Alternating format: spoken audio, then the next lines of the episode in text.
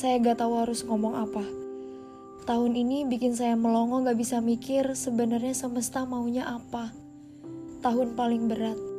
Tahun yang seperempatnya saja belum terlewati tapi udah kayak menguras tenaga setengah usia kedewasaan saya.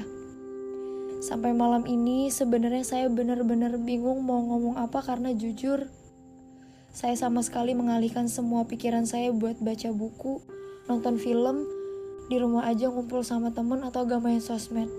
Bener-bener gak bisa mikir karena pikiran saya penuh sama semua kejadian-kejadian yang bikin saya capek dengernya. Dari sekian banyak tahun yang udah sadar saya lewatin, tahun ini mungkin bukan cuma saya tapi kita semua pasti ngerasa, ya ampun, tahun ini tuh kenapa sih? Capek ya pasti. Kepala denger semua berita yang gak jarang bikin gemetar sebadan badan muak apalagi. Ngelihat semua yang terjadi kok manusia malah kayak pada gak ada hati gini sih. Jujur saya bingung harus mengungkapinnya gimana.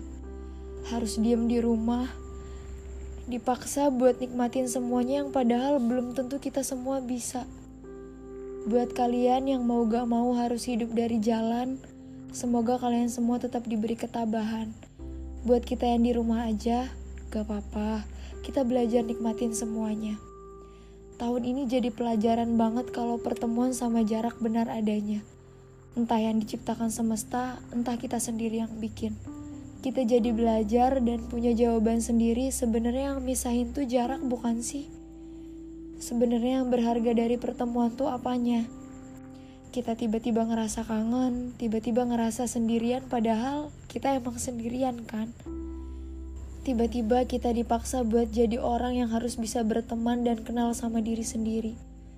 Kita udah di perjuangannya masing-masing, tinggal nunggu. Sabarin.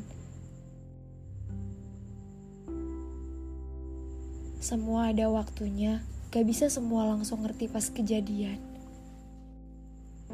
Pelan-pelan, biar sabarnya jadi pelajaran